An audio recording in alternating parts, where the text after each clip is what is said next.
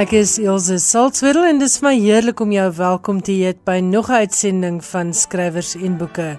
Jy luister na RSG 100 tot 104 FM en ek hoop jy geniet vanaand se program. Ralph Waldo Emerson het gesê: Net so min as wat ek al die maaltye kan onthou wat ek al geëet het, kan ek al die boeke onthou wat ek al gelees het. Maar tog, hulle het my die mens gemaak wat ek is.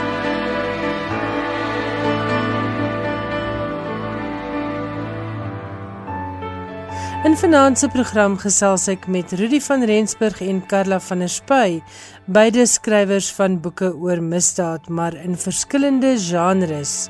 In die tweede helfte van die program gesels ek met die kinderboekskrywer Wendy Martins oor haar nuwe reeks Nie fiksie vir kinders. En Johan Meiberg sluit vir ons die program af met sy internasionale letterkunde insetsel.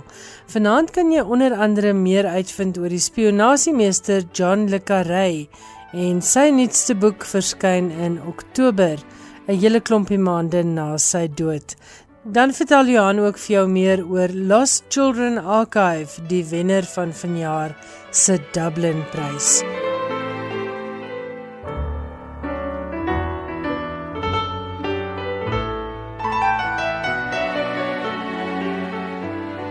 Nou verwelkom ek graag vir Karla van der Spy en Rudy van Rensburg op die program. Albei is skrywers wat die onderwêreld van misdaad vir ons bloot lê met hulle boeke, maar die een is 'n fiksieskrywer en die ander een skryf oor ware misdaad en misdadigers. Karla en Rudy, baie welkom by Skrywers en Boeke en dankie dat julle met my gesels. Baie dankie, lekker om te gesels met jou weer. Baie dankie Elsje, lekker om met jou te gesels altyd. Dis vir my altyd 'n fascinerende ding wat julle albei doen want Rudy skryf misdaadromans en hy skryf vir 'n deel van die onderwêreld wat ek nie eers geweet het bestaan nie halfte van die tyd. En Carla, jy doen die werk wat ons almal graag wil doen maar waarvoor die meeste van ons te bang is. Jy gaan sommer in tronke in en in gevaarlike gebiede en gaan praat met die misdadigers hmm. self.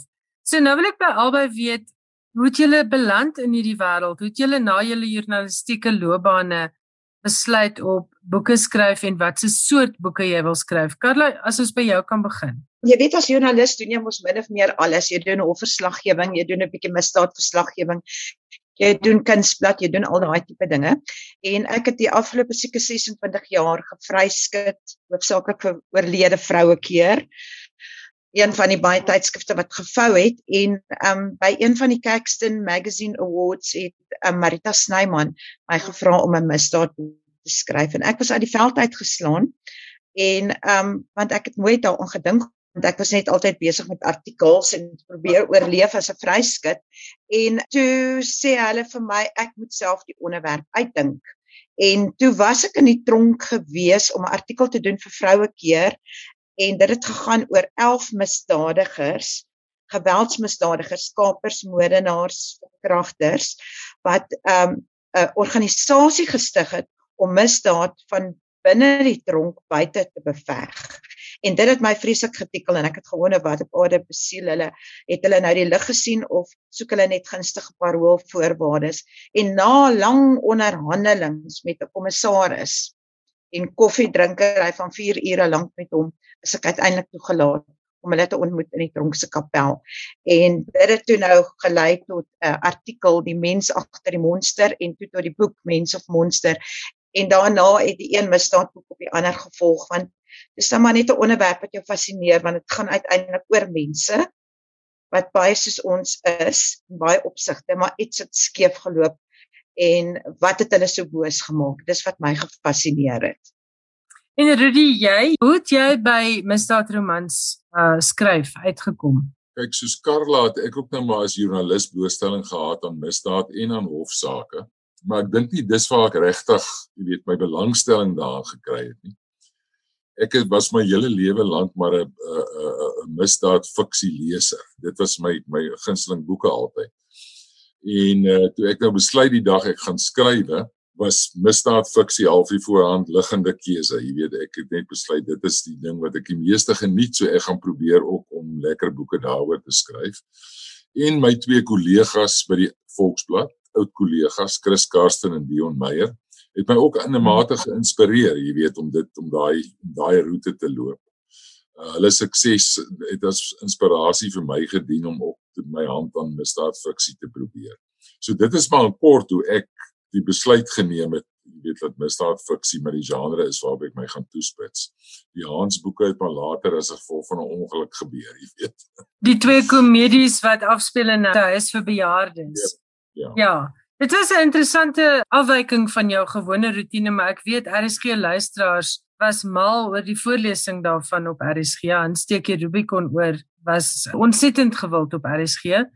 Maar nou wil ek weet hoe werk julle navorsing? Want ek weet Rudy jou idees of jou boeke begin by 'n idee en dan vat jy die navorsingspad of onthou ek verkeerd?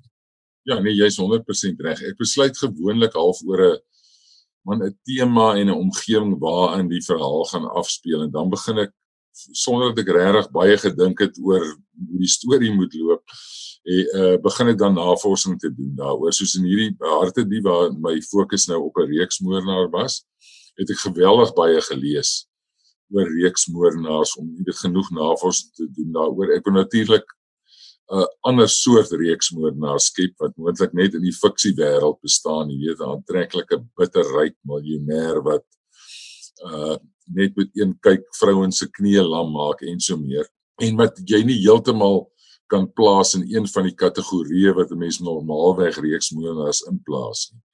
Maar ek moes nogtans verskriklik baie navorsing doen om dan weet in 'n mate geloofwaardig oor te kom om daarom nou 'n geloofwaardige reeksmoord daar minstens te kan skep. So uh hoewel die navorsing minder is moontlik as wat ek in die verlede gedoen het, ek nogtans weet deur 'n hele paar boeke gewerk onder meer Mickey Pistorius wat uh, baie gesag 'n boek oor uh, reeksmoordenaars geskryf het en 'n paar Amerikaanse skrywers. En dan's ek verskriklik spyt dat ek nooit uh, by manuskrip was al lankal klaar geskryf toe uh, Karla met haar gangsterboek uitkom. So ek sou dit ook eintlik vreeslik graag wou lees voor ek my eie boek sou wou skryf want ek dink ek gaan baie daaruit leer. In die stadium moet ek wag vir my vrou, sy's besig met gangsters so. Hulle vertel van gangster, ehm um, kom ons neem gangster dan as 'n soort van 'n voorbeeld van hoe jy jou navorsing doen. Ja. Ehm um, okay, ek moet natuurlik kyk Ek hou nie van hierdie Zoom stories so. Dit dit werk nie vir my so lekker nie. Ek hou daarvan om na die plek toe te gaan. Ek is seker maar nog ou skool joernalis, jy weet, ek kom nog uit die era van die telex en stories deurbel.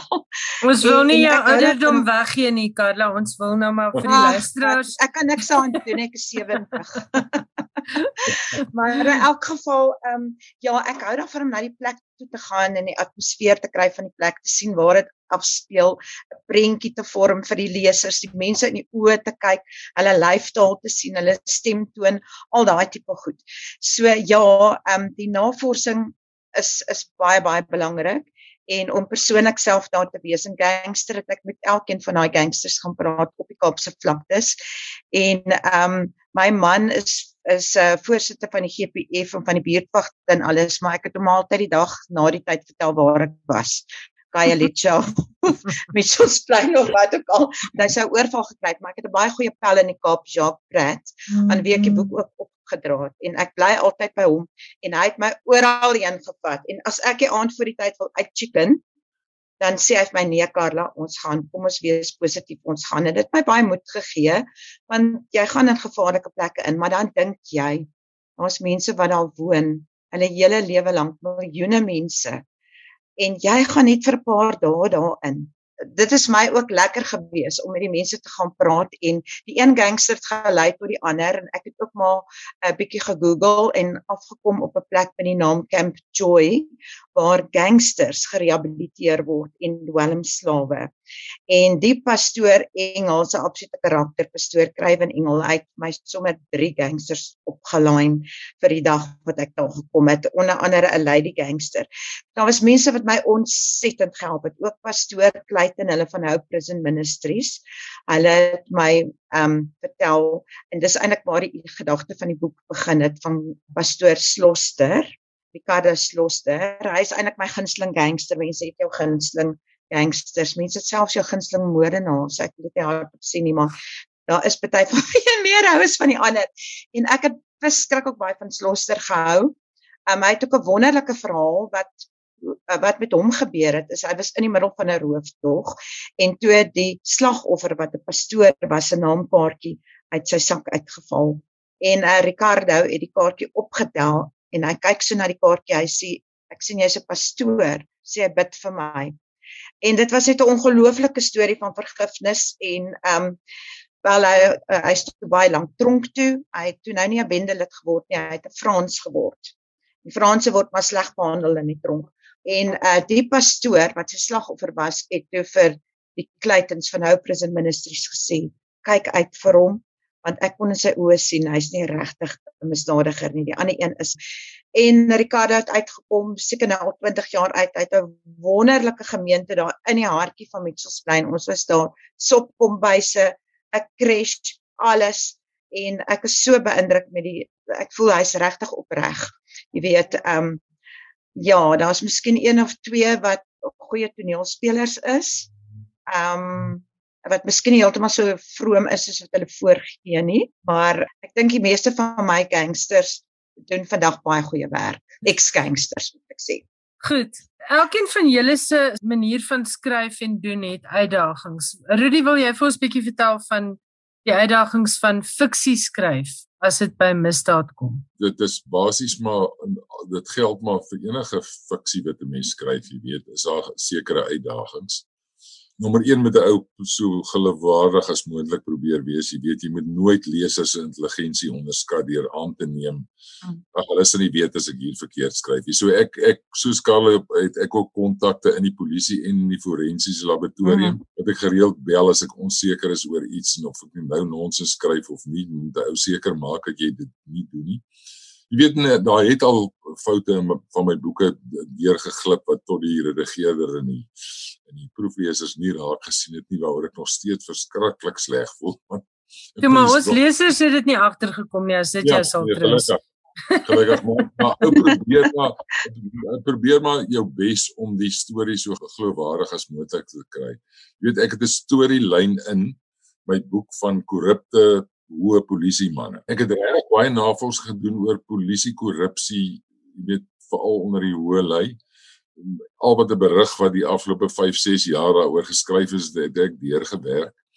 En ek het dit ook half op dan op die werklikheid gebaseer. Jy weet, daar was sulke goed ongelukkig in die in die polisie geleedere gebeur.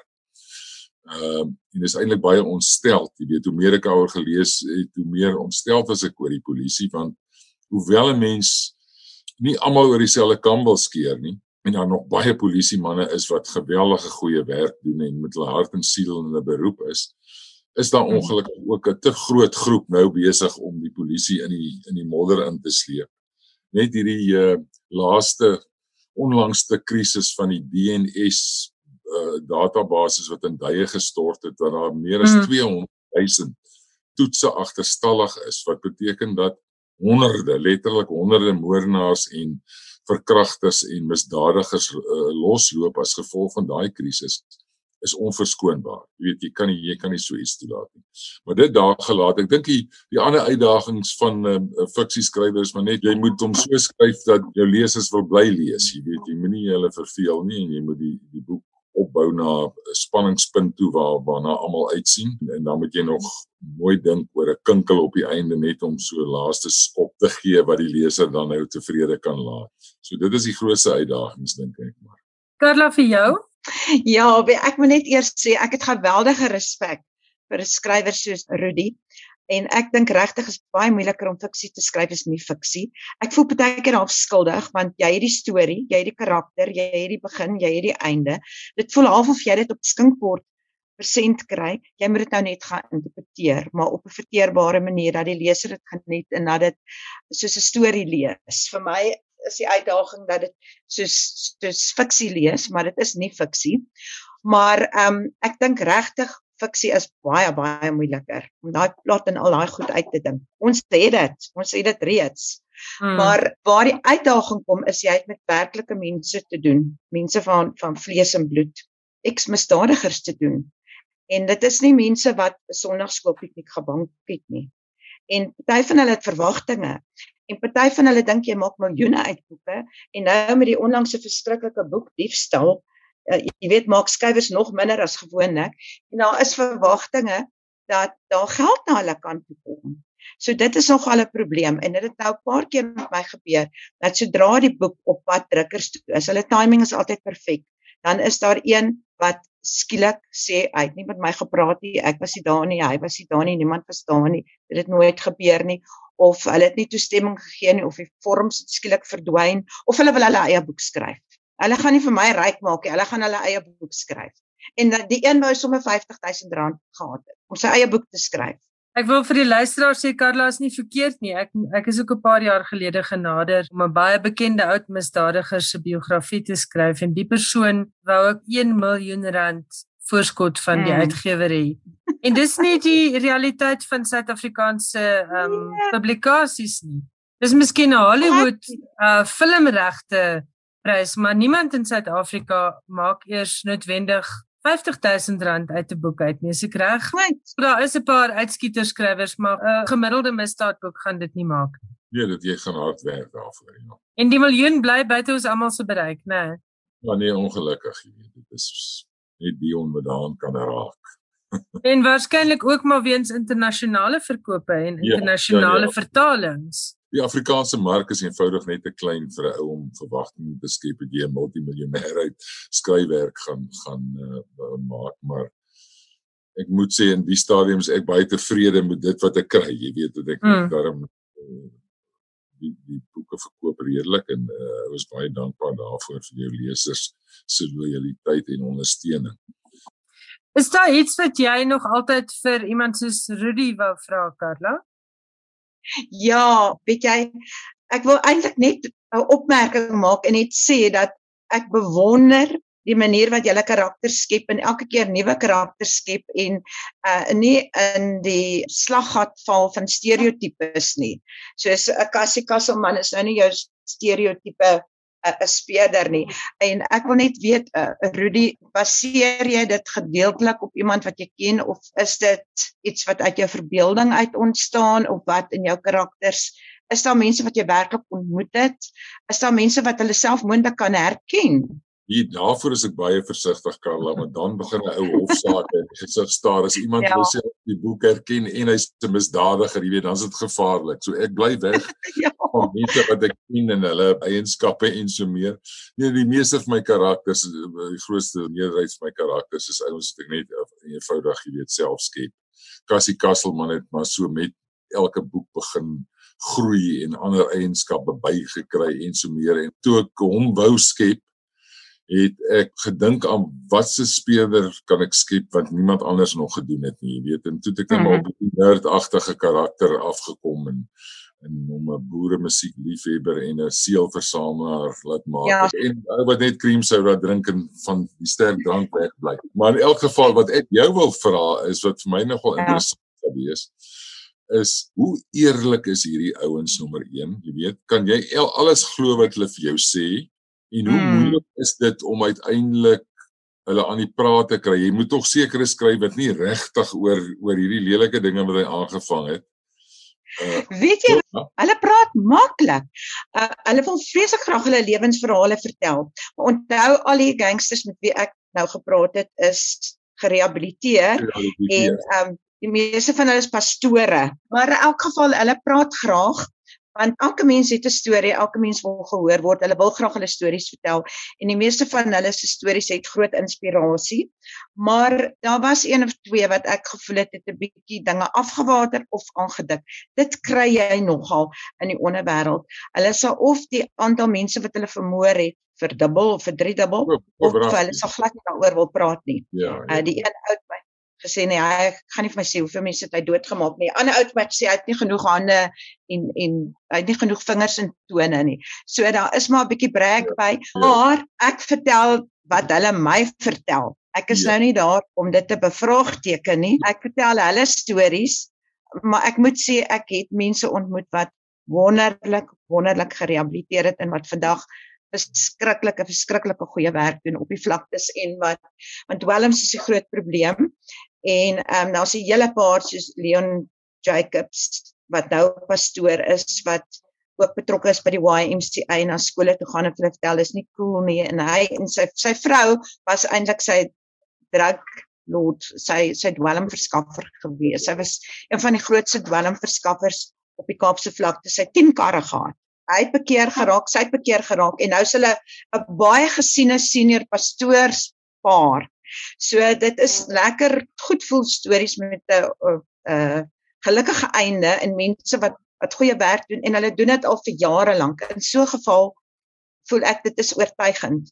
As die ou nou al 20 jaar uit die tronk uit is en hy doen al jare lank goeie werk, jy weet. Ja, hulle het al vir my gejok in die verlede van die misdadigers. Het al vir my gejok, definitief.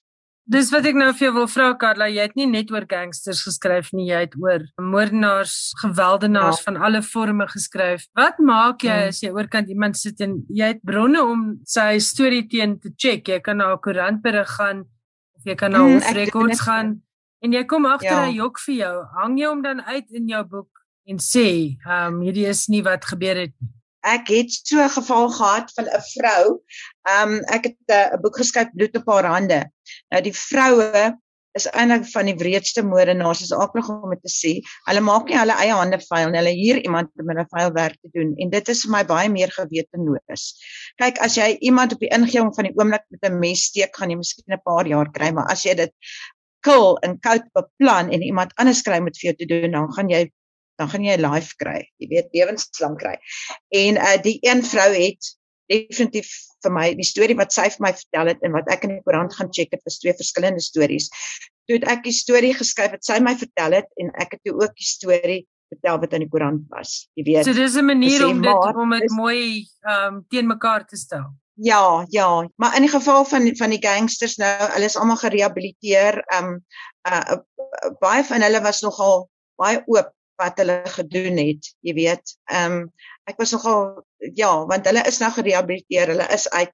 Hulle wil nie terug gaan tronk toe nie. En dit lyk my hoe langer jy sit en hoe langer jy uit is, skraler is die kans dat dat jy teruggaan. Rudy, is jy alweer aan die navorsing skryf aan 'n volgende boek? Ek is reeds klaar met die volgende boek. Ek werk mos al net so jare wat vooruit jong. Ek probeer daai daai voorsprong inbou om nie by deadlines en goed uit te kom nie.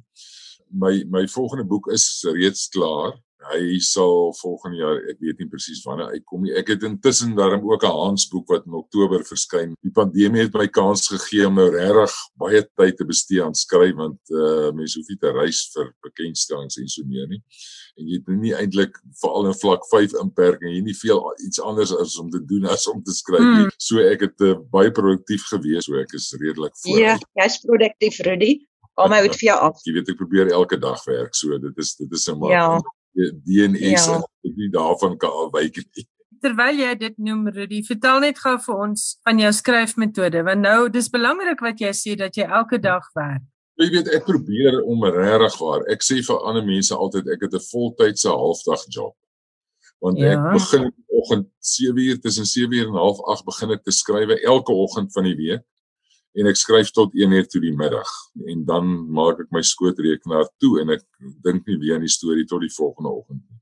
Maar dis al hoe ek toe ek destyds my debuutboek geskryf het, het ek my voorgenem ek gaan minstens een boek 'n jaar skryf en om dit reg te kry en deesdae is dit twee boeke met die Hansboeke wat bykom, moet 'n mens eenvoudig baie gedissiplineerd werk. En mense sê vir my, "Ja, maar dis hom verskriklik. Jy werk aan verskriklik hard." En wie dit is my so lekker dat ek dit nie eers as werk beskou nie. Om, om fiksie te skryf is my van die lekkerste dinge wat ek in my lewe nog ooit gedoen het. En ek beskou dit eintlik as ontspanningsterapie en nie en nie werk nie. So ek geniet elke ja. oomblik daarvan. Carla, hoe skryf jy en is jy al besig met jou volgende projek? Man, weet jy wat my my situasie is bietjie anderste. Ehm um, ek is seker veronderstel om met pensioen te wees. Ek is nie, ek het ook nie 'n pensioen nie. Nou moet ek 'n fyn balans hou tussen stories skryf en boekresensies skryf. Ek skryf hoofsaaklik maar vir Flink en dan boeke skryf en want ek moet 'n inkomste verdien om my rekeninge te betaal aan die einde en soos jy weet mense kan nie 'n bestaan maak uit intieme nie. So ek moet nou maar 'n fyn balans hou, maar ek probeer sê maar 'n hoofstuk per maand te skryf of twee hoofstukke per maand te skryf en dan die ander werk tussenin. Maar ek het nou besluit vir die volgende boek gaan ek 'n bietjie langer uitstel vra sodat ek meer kan fokus op my maandelikse inkomste wat soos jy weet op die oomblik baie moeilik is. Mm, mm. Maar ehm um, ja, ek is ook baie gedissiplineerd. My goed is altyd betyds in. As jou manuskrip nie betyds in is nie, dan is daar 'n hele ketting van mense wat laat is om my boek laat uit en dit is net nie moeite werd nie. Ek sê eerder vra vir uitstel. Sê gee my nog 'n paar maande dat ek die boek ordentlik kan klaarmaak. Maar die volgende een is nou goed gekeer, maar ek doen dit saam met iemand. En dit is nou nie misdaad nie, maar daar is 'n paar misdadige tonele in die boek. En so gesels Karla van der Spuy en Rudy van Rensburg. Karla se jongste boek Gangsters en Rudy se roman Hartedief het onlangs by NB Uitgewers verskyn. Jy luister na skrywers en boeke op RSG en ek is Elsje Salzwetel. Ek gesels nou met Wendy Martins oor haar nuwe reeks van 4 boeke met 3 verhale elk oor inspirerende vroue. Die reeks getiteld Vandeldraers het pas by Lapa verskyn en is ook in Engels beskikbaar. Dis 'n nuwe fiksiereeks gemik op jong lesers van so 11 jaar en ouer en vertel die ware verhale van 12 baie uiteenlopende vroue. Kinders kan op 'n oulike manier leer oor vroue soos Tuli Madonsela, Maggie Jooste, Caster Semenya Ingrid Jonker en Elsje Netling om maar enkele van die vroue te noem. Wendy Goenaand en baie hartlik welkom by Skrywers en Boeke en dankie dat jy met my gesels. Baie geluk met jou nuwe reeks. Wat was die vonk vir hierdie reeks? En ook hoe het jy besluit watter vroue om in te sluit by hierdie vier boeke? Goeienaand Ilse. Baie dankie vir die geleentheid om oor vaandeldraers te praat. Ek het 'n opdrag van my uitgewer by Lapa gekry, Nandi Lessing Venter, om die stories oor 12 die verhale van 12 vroue te skrywe. Ek kon self kies watter 12 vroue Aanvanklik het ek 'n lys probeer saamstel, maar ek het baie gou agtergekom dit gaan nie so werk nie. Om 'n lang storie kort te maak, uiteindelik het dit so gewerk dat terwyl ek aan die een vrou se storie gewerk het, het die volgende vrou na vore getree. Ek het oor haar begin navorsing doen. Soms het een vrou 'n ander uh uit die pad gedruk. Dan het ek navorsing oor iemand anders begin doen. Daar't soms uh ekstra inligting na vore gekom. Ander vroue het langs die pad uitgeval, maar die dis basies hoe die patroon gewerk het tot ek uiteindelik hierdie 12 vroue gehad het. Uh dit was 'n interessante proses gewees. Um, dit het my asem baie keer weggeslaan en Ek kan vir jou sê dit was nooit uh hulle praat in Engels van never a dull moment. Ek het regtig nooit 'n vervelige oomblik saam met hierdie vroue gehad nie. Ek het tydens die Grendeltyd uh aan die verhale geskrywe. Die vroue was basies my geselskap gewees. Um Ek het my dae met hulle deurgebring met leeswerk, met navorsing, deur te wonder oor hulle, deur my in hulle skoene te probeer plaas en regtig in hulle verhale ingeleef. Dit het vir my baie beteken. Elke vrou se storie was my inspirasie gewees.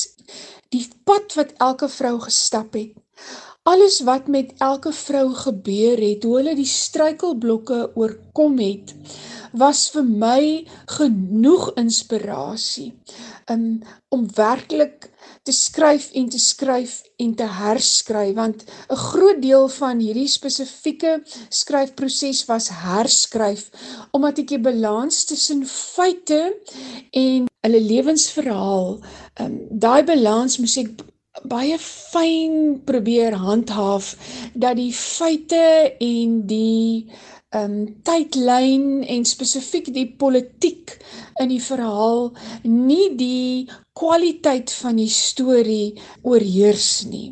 Ilse en dan um 'n ou skoolmaat van my Elisma Steenekamp het 'n Facebook groep uh, Root Karoo Spirit En daarin het sy op 'n stadium so mooi gesê: Ons vroue, we are walking each other home. Ons is nie altyd bewus daarvan nie. maar dit is wat ons op die ou einde doen. Al hierdie vroue oor wie jy skryf het verskillende eienskappe Wendy, maar watter eienskappe het hierdie 12 vroue in gemeen? En as jy 3 eienskappe moet uitsonder wat van hierdie vroue helde maak in jou oë, wat sal dit wees? Die eerste eienskap wat by my opkom is uithou vermoë. Hulle gee nie sommer op nie maak nie saak hoe sleg rond dit rondom hulle gaan nie. Hulle aanvaar dit wat op daardie oomblik rondom hulle gebeur. Aanvaar hulle volkome. Maar hulle sien dit nie as die einde van die pad nie. Hulle sien dit eerder as 'n stepping stone na iets beters. Daar's 'n soort nugterheid wat ek raak gesien het in almal van hulle en dan ook hulle aanvaar hulle self volkome. Uh hulle probeer nie iemand anders wees nie. Hulle is gemaklik met wie hulle is. Hulle eie foute, hulle eie tekortkominge en hulle is tevrede met wie hulle is. Ek dink nie daar is spesifieke eienskappe wat van 'n vrou 'n held maak nie. Ek dink dat die eienskappe waarmee 'n mens as vrou gebore word, dit wat 'n mens 'n vrou maak, dit is basies die fondament om mee vorentoe te gaan.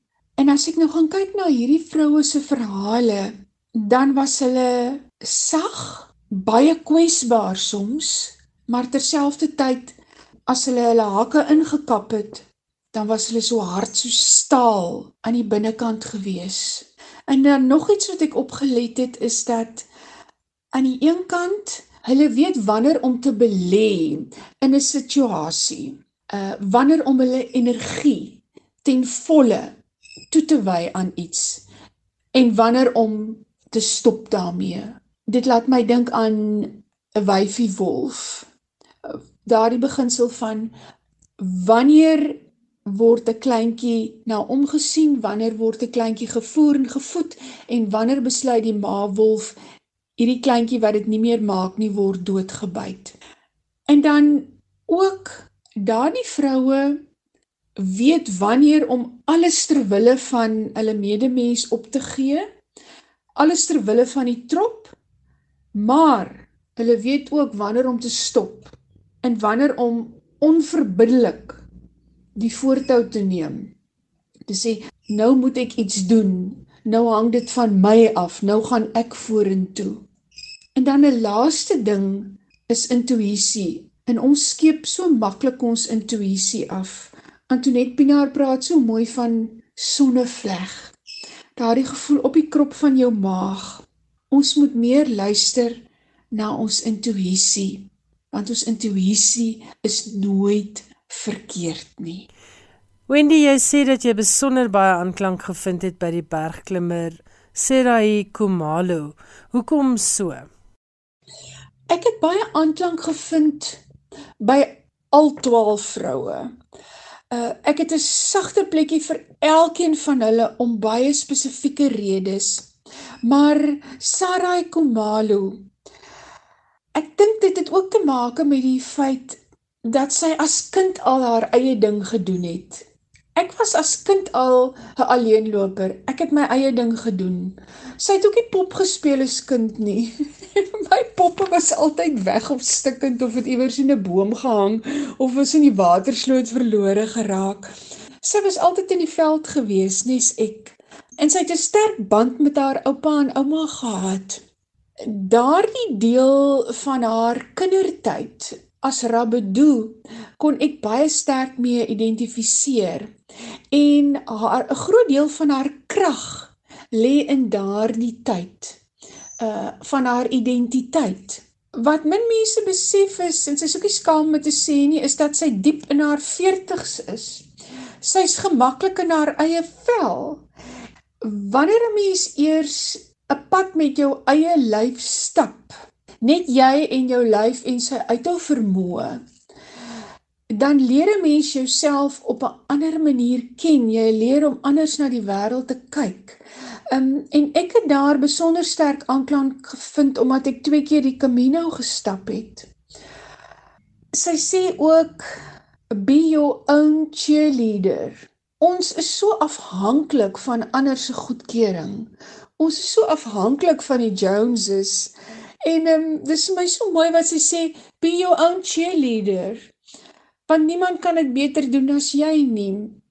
Ek het groot vreugde gevind in die onderhoud met Sarah en um, in wat sy alles doen en as ek aan haar dink, as ek in die oggend opstaan en ek dink aan haar en ek besef dat sy nog steeds besig is om 'n spesifieke challenge. Ek dink is 7 pieke, 5 of 7 pieke van die hoogste in die wêreld, die een na die ander agter haar blad te sit.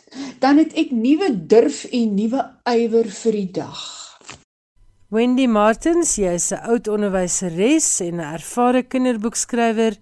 Is hierdie reeks net bedoel vir dogters of sal seuns ook hierby aanklank vind? Ek wil graag hê dogters moet hierdie reeks lees.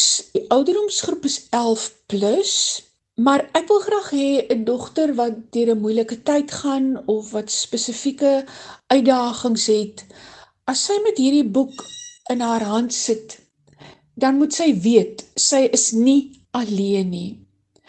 Hierdie spesifieke vroue het die pad gestap.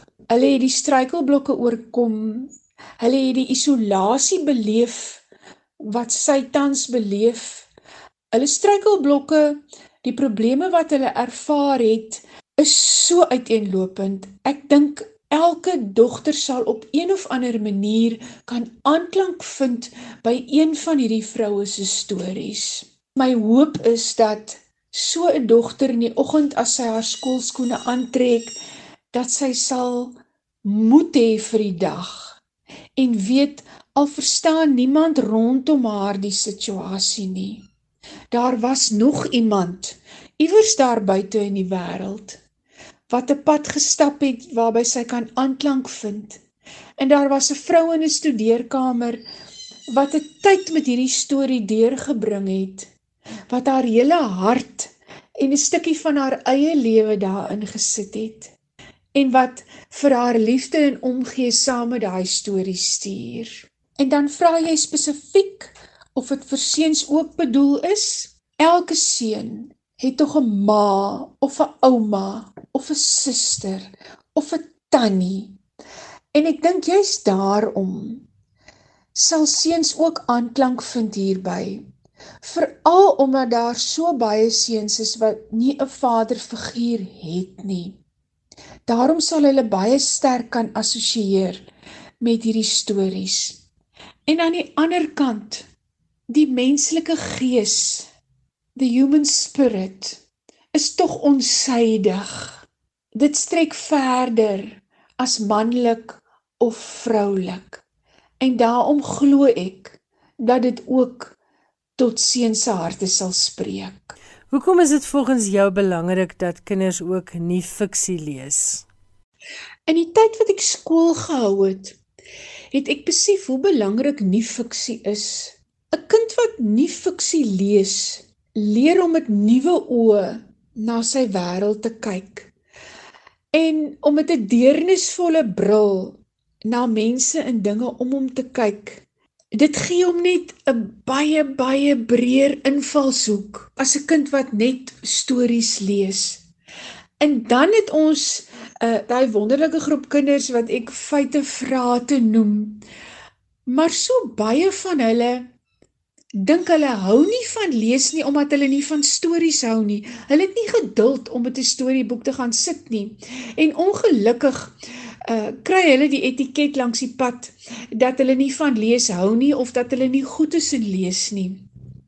En eintlik het hulle nog net nooit die regte leesstof bekom nie dis die kinders wat 'n boek nodig het wat hulle eintlik op enige bladsy kan oopmaak en net lekker lees feite kan kry. Dis die kind wat hou van 'n resepteboek wat hou van 'n atlas uh wat hou van 'n handleiding. Wat lekker is van hierdie spesifieke 4 boeke is die teks is so geskrywe dat Al lees jy nie die storie van voor tot agter met die eerste oogopslag nie. Jy kan hom op enige plek oopmaak en daar spring stukke inligting uit die storie, sekere feite spring tussen die blaaie na jou toe uit. En dit gee my spesifiek vreugde. Ek het gesels met Wendy Martins, kinderboekskrywer en ons het gesels oor haar nuwe reeks Vandeldraers. Dis ook beskikbaar in Engels onder die titel Torchbearers en word uitgegee deur Lapa. En soos Wendy gesê het, hierdie reeks is gemik op lesers van 11 jaar en ouer. Skrywers en boeke, alles wat jy oor die boekewêreld wil weet en meer. In sy internasionale insetsel gesels Johan Meiburg vanaand oor Wyle John Le Carré se laaste roman wat in Oktober gaan verskyn en die nuwe uitgewers vir Blake Bailey se biografie oor Philip Roth en dan ook oor die wenner van die Dublin Prys, Valeria Luiselli. Hier is Jan Meiburg met nog 'n interessante internasionale boekinsetsel. Enkele maande voor sy dood in Desember het John le Carré sy laaste roman voltooi. Silverview, die roman waarin hy delf in die siel van die hedendaagse geheime diens, verskyn in Oktober. Le Carré, skrywer van misdaadthrillers soos The Spy Who Came In From The Cold en Tinker Tailor Soldier Spy, is in Desember in die ouderdom van 89 dood. Silverview is die verhaal van Julian Lawnsley, 'n man wat 'n goeie betrekking in Londen prysgee om 'n boekwinkel in 'n klein dorpie aan die kus te gaan bedryf. 'n Paar maande later kry hy egter besoek van 'n Poolse emigrant wat in Silverview die groot huis aan die kant van die dorpie woon en wat besonder belangstel in sy doen en late. As 'n baaspioen in Londen bewus word van inligting wat gelek is, lei sy ondersoek hom na die dorpie waar Lonsley woon. Johnny Geller, Lekarese literêre agent, het gesê hy was bewus van die feit dat Lekare geruime tyd besig was met die manuskrip. Ek dink dit was sy memoir The Pigeon Tunnel wat werk aan die manuskrip eers onderbreek het. En toe na die memoir was dit eers 'n legacy of spies wat in die beurt gekom het, het Geller gesê. Nietemin het Le Carré deurgedruk en die manuskrip in Oktober afgehandel. 'n Jaar later, in die week waarin Le Carré sy 90ste verjaardag sou vier, word die boek nou in Oktober uitgegee. Die uitgewer is Viking.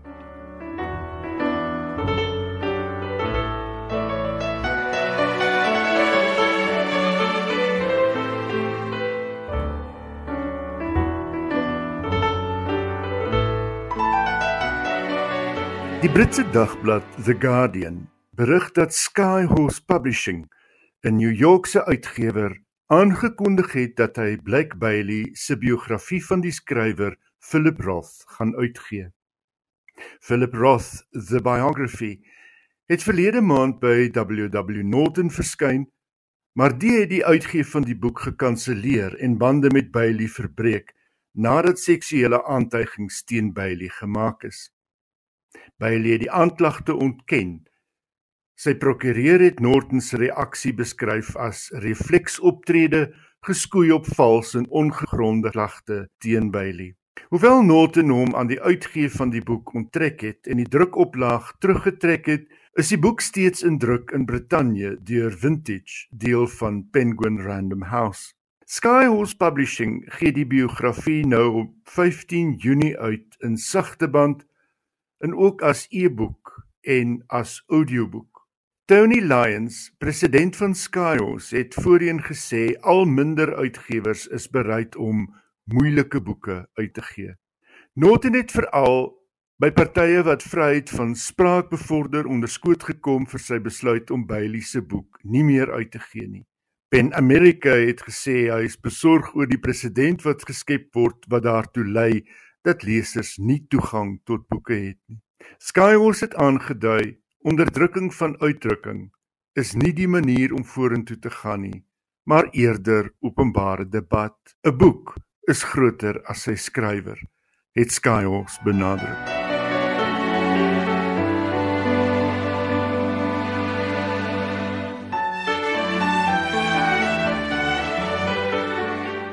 Die Meksikaanse skrywer Valeria Luiselli is pas aangewys as wenner van die Dublin-prys. Die prys het sy gekry vir haar roman The Lost Children Archive 'n boek wat op die langlys van die Booker-prys was en wat reeds verlede jaar die Rathbones Folio-prys gewen het. Die Dublin-prys met 'n stewige 1,7 miljoen rand as prysgeld is een van die rykste letterkundepryse en die benoemingsproses is nogal verskillend van ander soortgelyke pryse.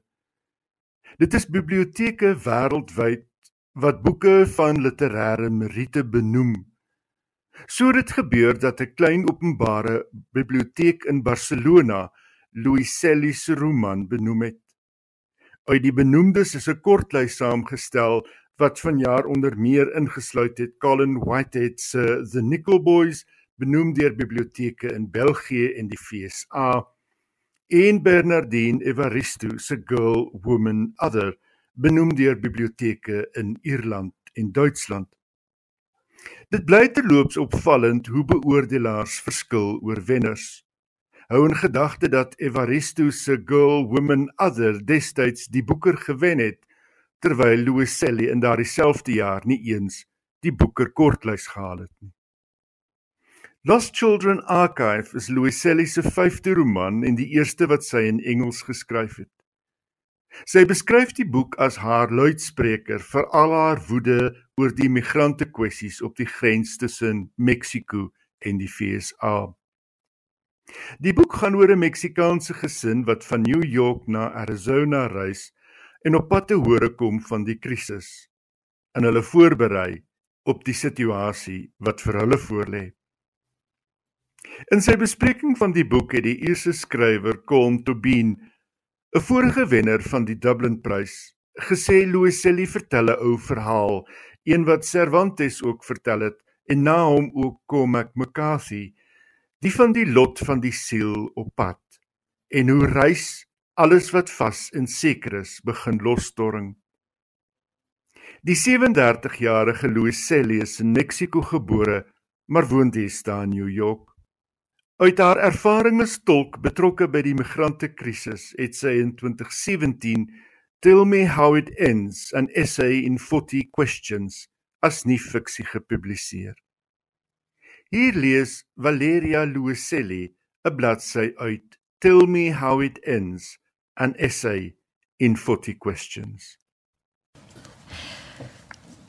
Why did you come to the United States? That's the first question on the intake questionnaire for unaccompanied child migrants. The questionnaire is used in the Federal Immigration Court in New York City, where I started working as a volunteer interpreter in 2015. My task there is a simple one. I interview children following the intake questionnaire and then translate their stories from, from Spanish to English. But nothing is ever that simple. I hear words spoken in the mouths of children threaded in complex narratives. They are delivered with hesitance, sometimes distrust, always with fear. I have to transform them into written words, succinct sentences, and barren terms. The children's stories are always shuffled, stuttered, always shattered beyond the repair of a narrative order. The problem with trying to tell their story is that it has no beginning, no middle, and no end. When the intake interview with a child is over, I meet with lawyers to deliver and explain my transcription and occasional notes. The lawyers then analyze the child's responses, trying to come up with options for a viable defense against the child's deportation and the potential relief he or she is likely to get. The next step is to find legal representation. Once an attorney has agreed to take on a case, the real legal battle begins. If that battle is won, the child will obtain some form of immigration relief. If it is lost, they will receive a deportation order from a judge. I watch our own children, sleep in the back seat of the car as we cross the George Washington Bridge into New Jersey. I glance back now and then from the co pilot seat at my 10 year old stepson visiting us from Mexico and my five year old daughter. Behind the wheel, my husband concentrates on the road ahead. It is the summer of 2014. We're waiting for our green cards to be either denied or granted, and in the meantime, we decide to go on a family road trip. We will drive from Harlem, New York, to a town in Cochise County, Arizona, near the US Mexico border.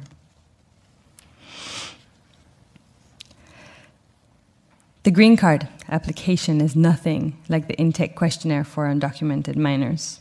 When you apply for a green card, you have to answer things like Do you intend to practice polygamy? And Are you a member of the Communist Party? And Have you ever knowingly committed a crime of moral turpitude?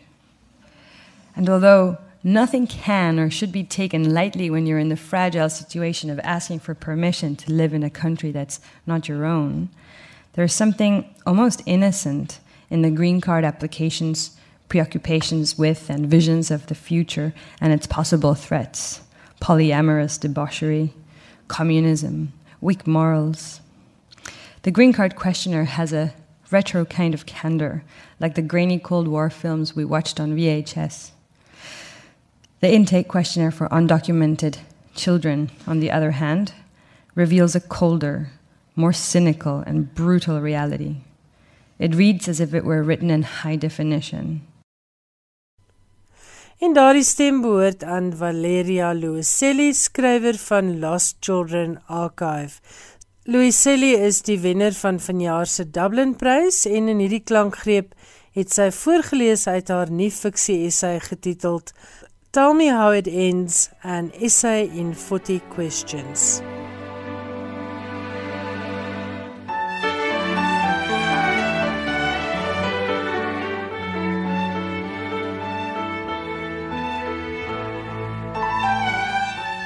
Dit was dan Finanse Skrywers en Boeke. Dankie vir die saamluister en ek hoop jy die boeke kuier geniet.